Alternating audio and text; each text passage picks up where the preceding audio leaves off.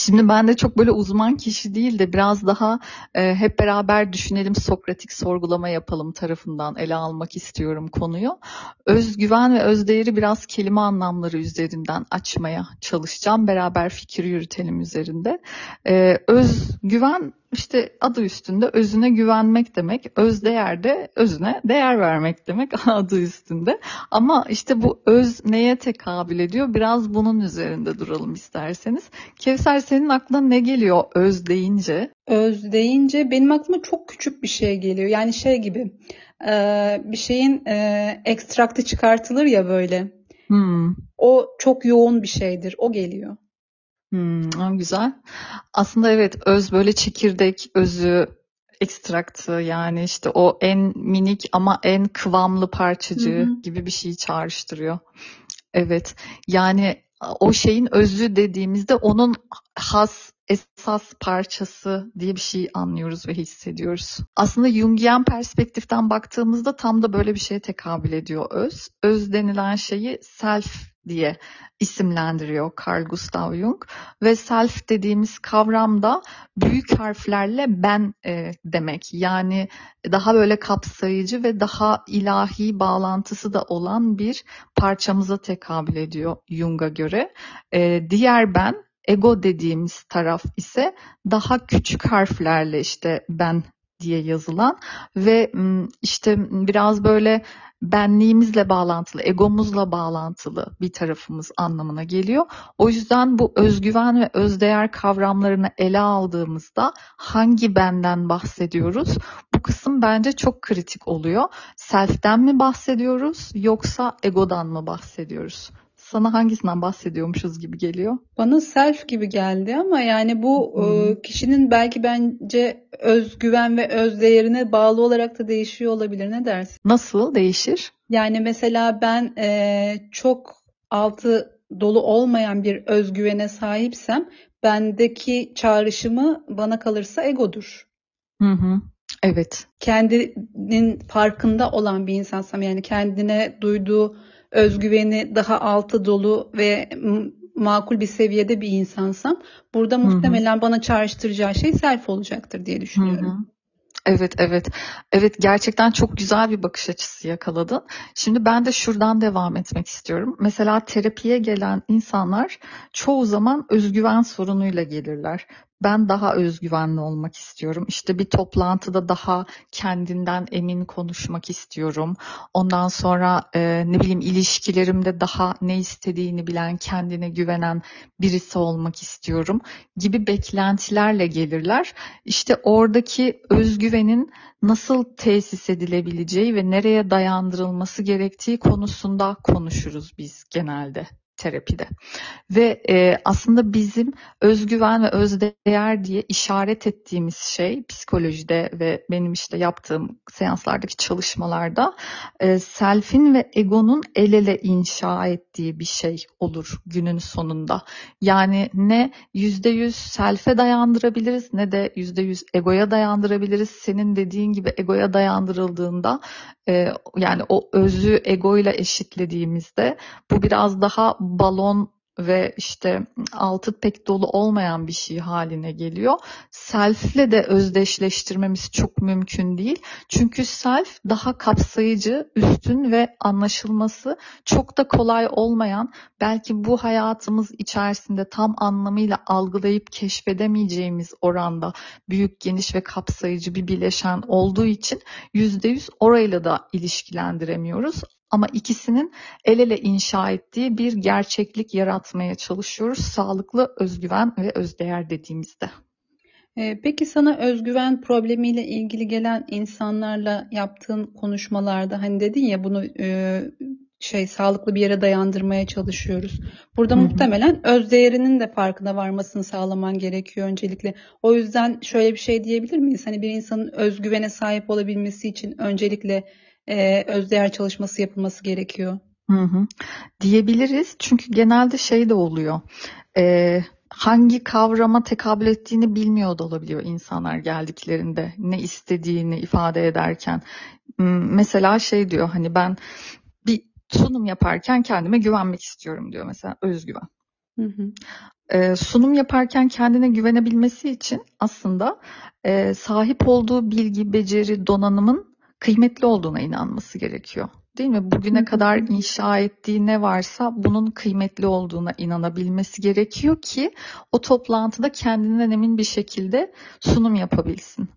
Eee, aslında belki de özgüvenli olmak istiyorum derken ben öz değerimin farkında değilim ve bunu anlamak, bunu içselleştirmek istiyorum diyor belki de bize danışan. O yüzden bu ikisinin arasındaki ayrımı ifade edecek örnekler üzerinden gidebiliriz mesela.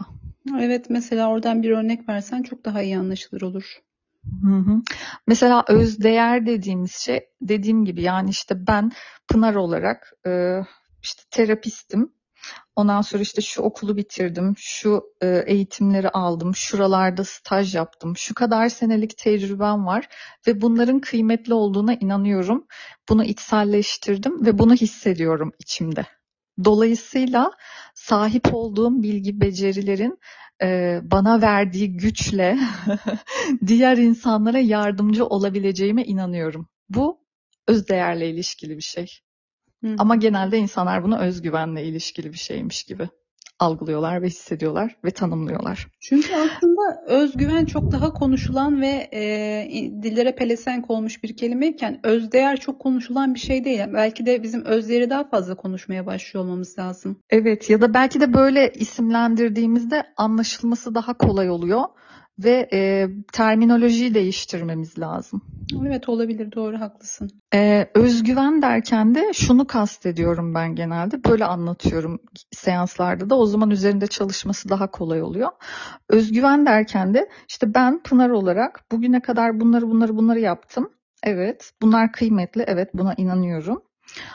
Ama bir şekilde bunlar elimden gitse, mesela ülke değiştirsem ve yeni gittiğim ülkede sahip olduğum hiçbir diploma geçerli olmasa, hiçbir e, statüm, sosyal statüm, işte title'ım geçerli olmasa, ben bunların hepsini sıfırdan yeniden inşa edebilecek güce sahibim, sabra sahibim, beceriye sahibim ve buna inanıyorum. Bu da benim özgüven diye isimlendirdiğim bir e, duruş biçimi. Sorunlarından bir tanesi de bu olabilir. Evet, yeni bir şey öğrenebileceğine, yapabileceğine dair bir inancının olmaması da olabilir. E, şimdi ben Türkiye'ye gittiğimde fark ettiğim şeylerden bir tanesi de şuydu. E, bir şekilde Türk olmak, Türk kültürü, işte Türk aile değerleri vesaire e, o kadar e, pompalanıyor ki işte bu televizyon programlarıyla, dizilerle filan e, böyle bir şey de var sanki şu an genel olarak insan işte toplum yapısına baktığımızda aman işte şeyimizi kaybetmeyelim hani kültürümüzü, değerlerimizi, Hı hı. yapımızı kaybetmeyelim gibi bir sıkı sıkıya tutunma meselesi de var. E, bu da belki de şey hani bunun aşırı şişirilmesinden kaynaklanıyor. Hani aşırı şişir, şişirilmesi sadece ego boyutunda deneyimlenmesi de bir problem ya. Hı hı. Ee, biraz bu tarafın e, aşırı pompalanmış olmasından da kaynaklanabilen bir durum olduğunu düşünüyorum. Belki o göçmen psikolojisindeki kültürüne sıkı sıkıya tutunma, işte bak biz iyiyiz, ayrıcalıklıyız, Müslümanız, şöyle harikayız, onlar işte gavur. onlar şöyle kötü, onlar böyle cehennemlikten kaynaklanan aslında biz en iyisiyiz. E, Biz ne onlara uyacağız canım, onlar bize uysunlar gibi bir e, şey balon ego oluşması durumu. Ama bu göçmen olmasa da Türklerde olan bir şey değil mi zaten? İşte Yani var hani gittiğimde onu milletimizi üstün, gözlemledim. üstün görürüz yani. Öyle bir yetiştirildik. Evet, gittiğimde onu gözlemledim ve bu böyle sanki artık şu son dönemlerde iyicene ön plana çıkmış durumda gibi geliyor bana. Yani olabilir belki çok fazla tutunacağımız bir şey kalmadığı için olabilir. Yani eskiden ne bileyim e, sporda başarılarımız oluyordu, sanatta başarılarımız oluyordu. Ekonomik olarak biraz daha iyiydik. Yani en azından e, bizden daha kötü pek çok ülke vardı. Artık ekonomi konusunda bizden çok fazla kötü olan ülke yok. İşte sanatta o kadar çok başarılı olmuyoruz dünya çapında. Sporda olamıyoruz. Tutunacağımız çok az şey kaldı ve o tutunacağımız az şeylere de çok fazla tutunmaya başladık belki de. Hı hı. Evet. Evet. Yani bu da aslında şey, şimdi çok derinleşiyor konu, belki de çatallanıyor burada. Ee, özdeğerden bahsederken, özgüvenden de bahsederken yine aynı şekilde evet sahip olduğum şeyler değerli, önemli. Bunu biliyorum, bunun farkındayım. Ama bunun yanı sıra bir o kadar da bunların o kadar da çok bir şey olmadığının da farkındayım gibi bir noktaya gele, gelebilmek de çok kıymetli ve e, çok olgunlaştırıcı bir şey. Evet işte bir e, title'a sahip olmak önemli, bir mesleğe sahip olmak önemli, bir varlığa sahip olmak, bir yatırıma sahip olmak önemli ama o kadar da önemli değil belki de yani daha geniş perspektiften baktığımızda, bakış açımızı genişlettiğimizde onun da üstü var, onun da üstü var, onun da üstü var. Yani o kadar da değil aslında yani sahip olduğun şeyler o kadar da kıymetli değil. Evet, Evet, kıymetli evet. ama o kadar da kıymetli değil. Kesinlikle yani bunu zenginlik ya da güzellik üzerinden değerlendirdiğimizde örneğin çok güzelsin ama yarın bir cilt hastalığına yakalandın ve güzelliğini kaybettin. Eğer bu e, senin öz değerini düşüren bir şeyse orada bir problem var demektir. Aynı şey zenginlik için de geçerli. Zenginliğini, paranı kaybettiğin zaman e, senin için kendi öz değerin düşüyorsa orada bir problem vardır. Sen kendini onunla e, var etmişsin demektir. O da senin var olma e, şeyin bir tane olmamalı. Amacın ya da özelliğin Hı hı. bir tane olmamalı. Pek çok özelliğin olmalı diye düşünüyorum. Evet, tek bir şeye tutunmamak ve tutunduğumuz şeye de körü körüne tutunmamak, ölümüne tutunmamak çok önemli ve daha olgun, daha sağlıklı bir duruş ifade ediyor. Özgüven açısından da aynı şey. Hani bunları bunları bunları yapabilirim, yaptım. Daha iyisini yeniden başlasam yeniden yapabilirim. Ama ya belki yapamayabilirim. Yani evet. Hayat bu. Bir şeyler ters gidebilir. Sağlığımla ilgili bir olumsuzlukla karşılaşabilirim. Hiç beklemediğim bir krizle karşılaşabilirim ve yapamayabilirim. Ee, ve yapamayabileceğini de kabullenmek günün sonunda o özgüvenin asıl böyle beton gibi olmasına yardımcı olan yegane faktör bence. Böyle aslında özgüven ve öz değer konusunu hap bir şekilde özetle dersen bunları söylerdim. Tabii ki bunların birçok farklı örneği üzerinden işte seanslarda, bireysel e, danışmanlıklarda e, çalışıyoruz, uğraşıyoruz. Ee, ve şey bu göç süreci özellikle özgüveni ve özdeğeri yeniden gündeme getirmek ve yeniden üzerinde çalışmak açısından da bize çok e, malzeme sunuyor. Çünkü işte bildiğimiz diller var mesela işte Türkçeyi biliyoruz, İngilizceyi biliyoruz ama hop bu dillerin konuşulmadığı bir ülkeye gittiğinde yeniden başka bir dili sıfırdan öğrenmen gerekiyor. Bu sefer işte o ülkenin ana dili işte atıyorum İspanyolca üzerinden anlatayım. İspanyolca konuşanlar açısından bakıldığında sen aslında o dili doğru düzgün konuşamayan bir göçmensin. Değil mi? Öz değerin ne kadar sarsılıyor. Sarsılıyor Ama, mu? Yani e, ben kendi yaşadıklarımdan düşünüyorum. Çok da fazla sarsılmadı. Yani ben zaten bu, bu problemleri yaşayacağımı öngörerek geldiğim için belki de e, Hı hı. bekliyordum böyle bir problem yaşayacağımı ve evet yaşadım dille ilgili problem. Ama bir yandan hı. tabii İspanya'da da bir şey var ya e, diğer ülkelerde anlatılan zorluklar kadar büyük problem çıkmıyor. Hani dilini anlamasan bile insanlar sana Hı hı. yardımcı olmaya çalışıyorlar. Beden diliyle bile e, sana yardımcı olmaya çalışan insanlar var. O da süreci kolaylaştırıyor tabii. E, farklı ülkelerde bu durum farklı olabilir. Ama Hı herkes de hı. aynı işlemiyor olabilir o. Doğru. Ya tabii ki sen ben gibi insanlar açısından biz böyle e, gidip bir plazada çalışmıyoruz. Bir kurumsal Hmm, kültürün evet. içerisinde e, bir rekabetin, hırsın ağır bir şekilde işlediği bir ortamda çalışmıyoruz. Ama buraya öğrenci olarak gelen birisini düşün Hı mesela. hı. Üniversite öğrencisi işte e, İspanyolca bir bölüm okumaya çalışıyor. Herkes bebeklikten beri takır takır konuşuyor Hı o hı. dili. Sen İngilizce biliyorsun, Türkçe biliyorsun, belki ne bileyim Fransızca da biliyorsun. İspanyolcayı öğrenmeye çalışıyorsun ve o ortamda, o rekabetçi ortamın içerisinde e, nasıl hissediyorsun kendini? Evet, evet, Ya da işte bir plazada çalışıyorsun. Ee, belki işte İngilizce bildiğin için ve e, işte o iş yerinin dili, ortak dili İngilizce olduğu için seni kabul ettiler. Ama iş arkadaşların kendi aralarında takır takır İspanyolca konuşuyorlar. Toplantılarda İngilizceden hop birden İspanyolcaya dönüyorlar. Evet, Ve aynen. senin bunları anlamanı, takip etmeni beklemiyorlar ama bekliyorlar da bir taraftan. Ya zaten beklemiyor olmaları da seni dışladıkları anlamına geldiği için her türlü sen orada zor duruma düşüyorsun. Evet o, o bahsettiğin örnekler de gerçekten çok zor. Evet.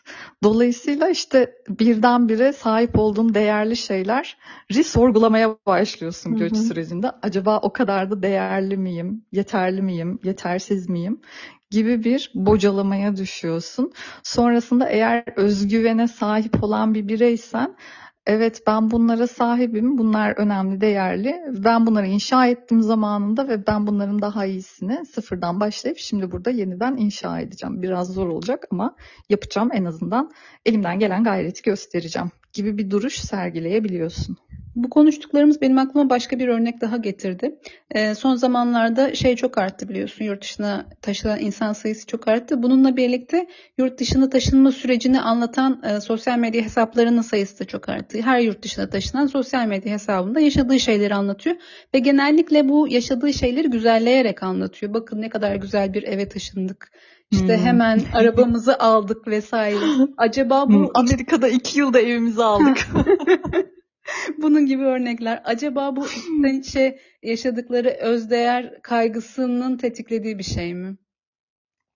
Olabilir yani içinde bulundukları ortamda kendilerini değersiz hissettikçe sosyal medyada o değeri telafi etmeye Hı-hı. çalışıyor olabilirler.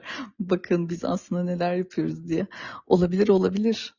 Ee, ya da işte dikkat çekmeye de çalışıyor olabilirler. Evet. Biliyorsun işte sosyal medya bir şekilde sürekli ön planda olman lazım. Seni takip ediyor olmaları lazım. Hı hı. İşlerinin iyi gitmesi ya, tabii için. Tabii şey de var hani bir şey popüler olduğu zaman herkes yapmaya başlar. Hani o yapıyor ben niye yapmayayım gibi bir e, trendten de kaynaklanıyor olabilir ama yine hani psikolojik olarak baktığımızda böyle bir sebebi de olabilir gibi bir şey geldi aklıma. Kesinlikle yani bir de işte dediğim gibi Kevser şey insanlar e, böyle şeyleri de merak ediyor ve takip etmek de istiyor. Mesela sen ve ben şimdi psikolojikmiş podcast'ini bir kenara koyup kendi hayatlarımızı göstermeye başlasak eminim şimdiki takipçimizin kat be kat fazlasına ulaşırız. Kesinlikle. Özellikle biraz da böyle e, şey olsa hani aramızda bir tartışmalar çıksa bir şeyler olsa çok takip ederler. Gündüz, gündüz kuşağı gibi.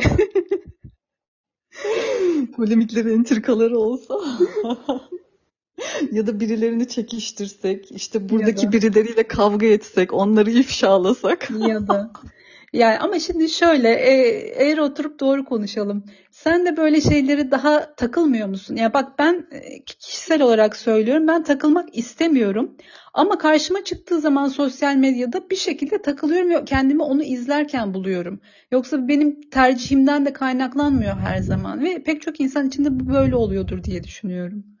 Tabii canım kesinlikle öyle. Yani neticede insanız, duygusal varlıklarız duygu içeriği olan her şey bizi çekiyor, cezbediyor, baktırtıyor. Hı hı. Ama işte bu tarafımızın yanı sıra bir de entelektüel tarafımız var işte kendini geliştirmek isteyen, daha üstün, rafine zevklerden keyif almak isteyen bilinçli bir tarafımız var. O yüzden bu tür şeyler bizi cezbetse de biz işte aklı başında eğitimli, görmüş, geçirmiş, okumuş insanlar olarak tırnak içerisinde şey yapmaya çalışıyoruz. Orada irademizi göstererek kendi değerlerimizle örtüşen bir doğrultuda bilinçli bir şekilde yürümeyi tercih ediyoruz. Yani bu şunun gibi e, fast food önümüze koysalar o ne güzel çıtır çıtır patatesler gider mi gider yani ama yani. sürekli onunla beslenmeye kalksan hem bedensel olarak hem de ruhsal olarak sağlıklı olamazsın ve daha kısa bir hayat yaşarsın herhalde. Daha kalitesiz bir hayat yaşarsın. Dolayısıyla emek veriyorsun, zaman harcıyorsun. İşte çok lezzetli gelmese bile belli tatlara kendini alıştırmaya çalışıyorsun ve zaman içerisinde onlar sana lezzetli gelmeye başlıyor. Onlar sana keyif vermeye başlıyor. Tam e, olarak böyle bir şey yani. ama bir günde arkadaşın önüne bir şey koyduğu zaman hop hatırlıyorsun onun aslında ne kadar keyif veren bir şey olduğunu ve e, ondan tırtıklamaya başlıyorsun. Aynı sosyal medyadaki içerikleri tüketme şeklimiz de buna çok benziyor. Evet. İşte sonra ne oluyor? Aslında içten içe özümüz e, bizim bildiği için, farkında olduğu için o önümüze konulan içeriklerin o kadar da kıymetli olmadığının bilincinde farkında olduğu için sürekli böyle içeriklerle beslediğimizde kendimizi yani işte bu polemikler, şeyler, entrikalar, e, dedikodular bunlarla beslediği zaman e, yani kendimizi bunlara maruz bıraktığımız zaman bilinç dışımızdaki o self farkında olduğu için önümüze konan malzemenin kaliteli olmadığının, kıymetli olmadığının gitgide kendimizi değersiz hissetmeye başlıyoruz. Hmm. Anlatabildim mi? Evet, çok değişik bir bakış açısı. Doğru, haklısın. İşte hani e, bugüne kadar hiçbir şey başarmamış, işte kitap okumamış, bütün gün yataktan çıkmayan, bilgisayar oynayan, kötü beslenen insanların özgüven sorununun olması buradan kaynaklanıyor. Özgüven sorunu değil aslında o özdeğer sorunu. Tabii ki beraberinde de gelen özgüven sorunu. Neden? Çünkü hiçbir şey başarmadığı için başarabileceğine de inanmıyor. Özgüven tarafı buradan geliyor. Özdeğer tarafı da hakikaten kıymetli bir şeye ayırmadığı için zamanını, kendine kıymetli bir şey katmadığı için özdeğerle ilgili de sorun yaşıyor. O zaman siz e, bu konuda terapiye gelen insanlarla öncelikle öz değerinin farkına varması ya da e, öz değerinde eğer e, bir birikim yoksa orada bir birikim oluşturmasına mı odaklanıyorsunuz?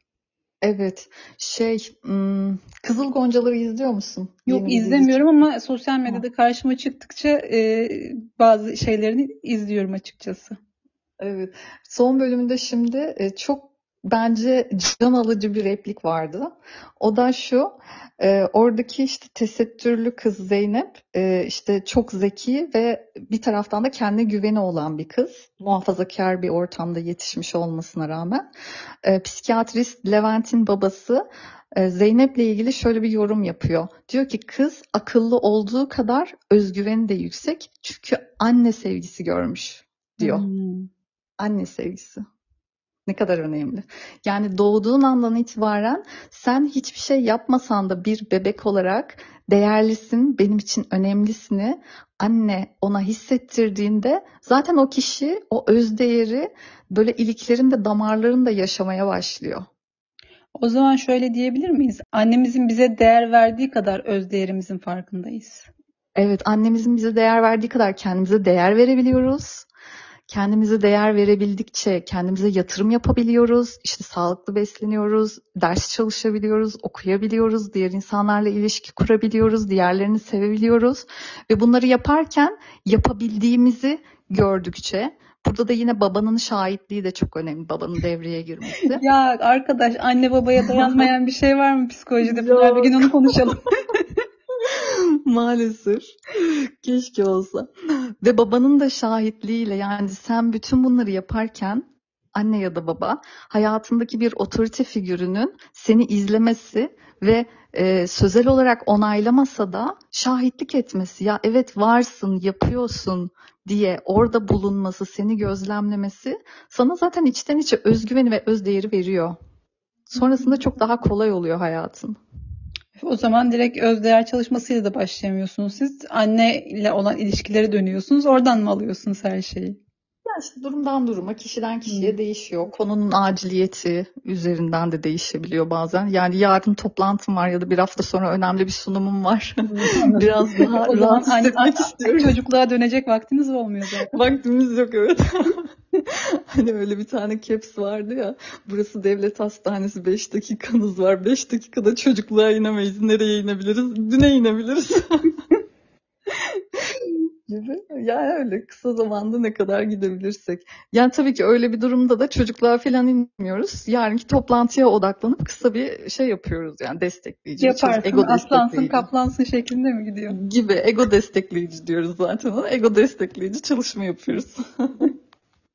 O kadar kısa sürede sonuç alınabiliyor mu bu arada? Ya bir seansta mesela ben yarınki toplantıya daha özgüvenli bir şekilde girebiliyor muyum? Yani bir tık daha iyi hissederek girebilirsin. Evet. Sorununu çözmüş olarak girmezsin ama bir tık Hı-hı. daha iyi hissederek girebilirsin. Yaparız Kevser hallederiz. Süper.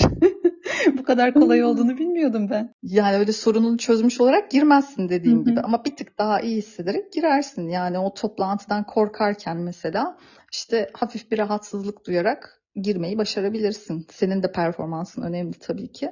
Hı hı. Gerçekten motiveysen ve e, iyi bir danışansan hallederiz onu. O iş bizde. Bir de e, toplantıdan bahsetmişken şu geldi aklıma. Genelde filmlerde e, bundan bahsedilir. Birisi mesela önemli bir konuşma yapacak bir kalabalık önünde ve kalabalık önünde konuşma korkusu var. Şey derler, insanları çıplak hayal edersen e, daha başarılı olursun gibi bir taktik verilir.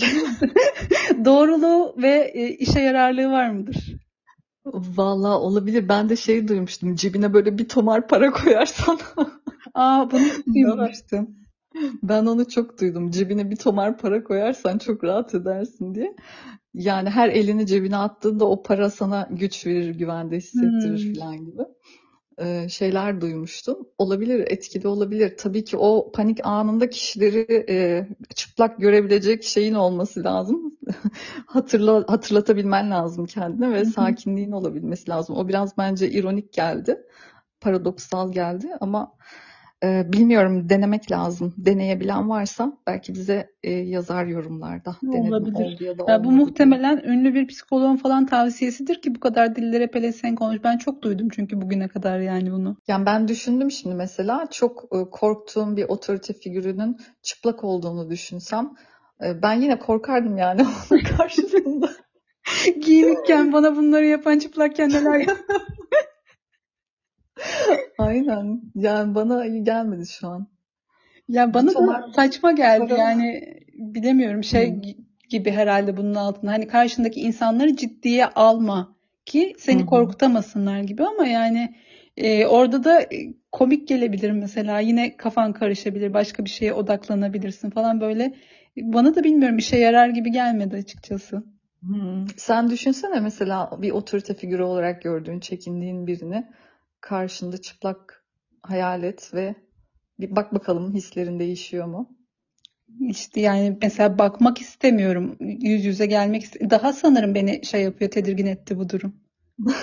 Yani çıplak görmek istemiyorum. Niye çıplak görmek istemiyorum? Yani Evet, demek herkes de işe yaramıyor. Peki cebinde bir, bir tomar para varmış gibi görmeye çalış. bilmiyorum ben paraya o kadar değer vermiyorum sanırım. Yani para bana çok Ne özgüven, olsa iyi gibi. özgüven çağrıştıran bir şey değil. Ee, Ne olsa. yanımda birisi daha olsa mesela daha şey Hmm. beni sanırım güvende hissettiren şey yanımda birilerinin olması hissi. Öyle bir şey. Aslında kritik olan şey bu yani o ortamda kendini güvende Evet, hissedebilmek. evet, evet, aynen.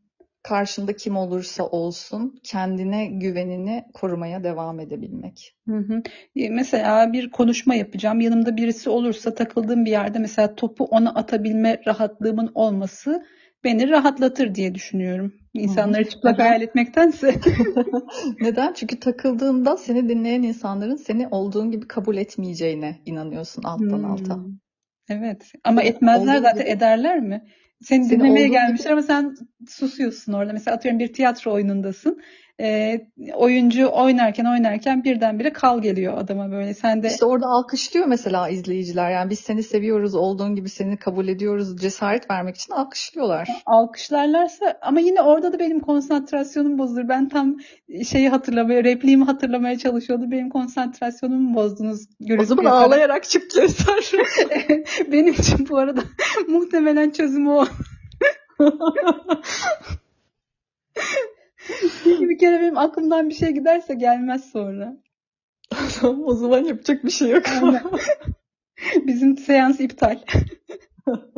Sen ağlayarak çık oradan. Sonra şey yaparsın onu terapide. O travma, önce o travmayı çalışırız terapide sonra. Bir de terapide ağlarım sonra. Yine çok güldük, eğlendik ve çok öğrendik. Çok güzel örnekler verdim. Bu arada gerçekten benim kafamda tam olarak bir e, yerine oturdu özdeğer ve özgüven. Umarım dinleyenler için de öyle olmuştur. E, yine akıllarına takılan bir soru olursa e, yorum yazabilirler paylaşımlarımızın altına ya da mesaj atabilirler. E, mutlaka değerlendiriyoruz. Özellikle yeni bölüm çekilmesi ile ilgili konu teklifleri geldiği zaman e, yazmaktan çekinmeyin. Aynen. Her zaman yorumlarınızı merakla bekliyoruz. Verdiğimiz tiyoları da uygulayıp işe yarıp işe yaramadıklarını bize e, yazın lütfen. İnsanları karşınızda çıplak olarak hayal ettiğinizde özgüvende bir tık gelişme oluyor mu? Bu konuda da yorumlarınızı bekliyoruz. Dinlediğiniz için teşekkür ederiz. Yeni bölümlerde görüşmek üzere. Hoşça kalın. Güle güle tekrar görüşmek üzere.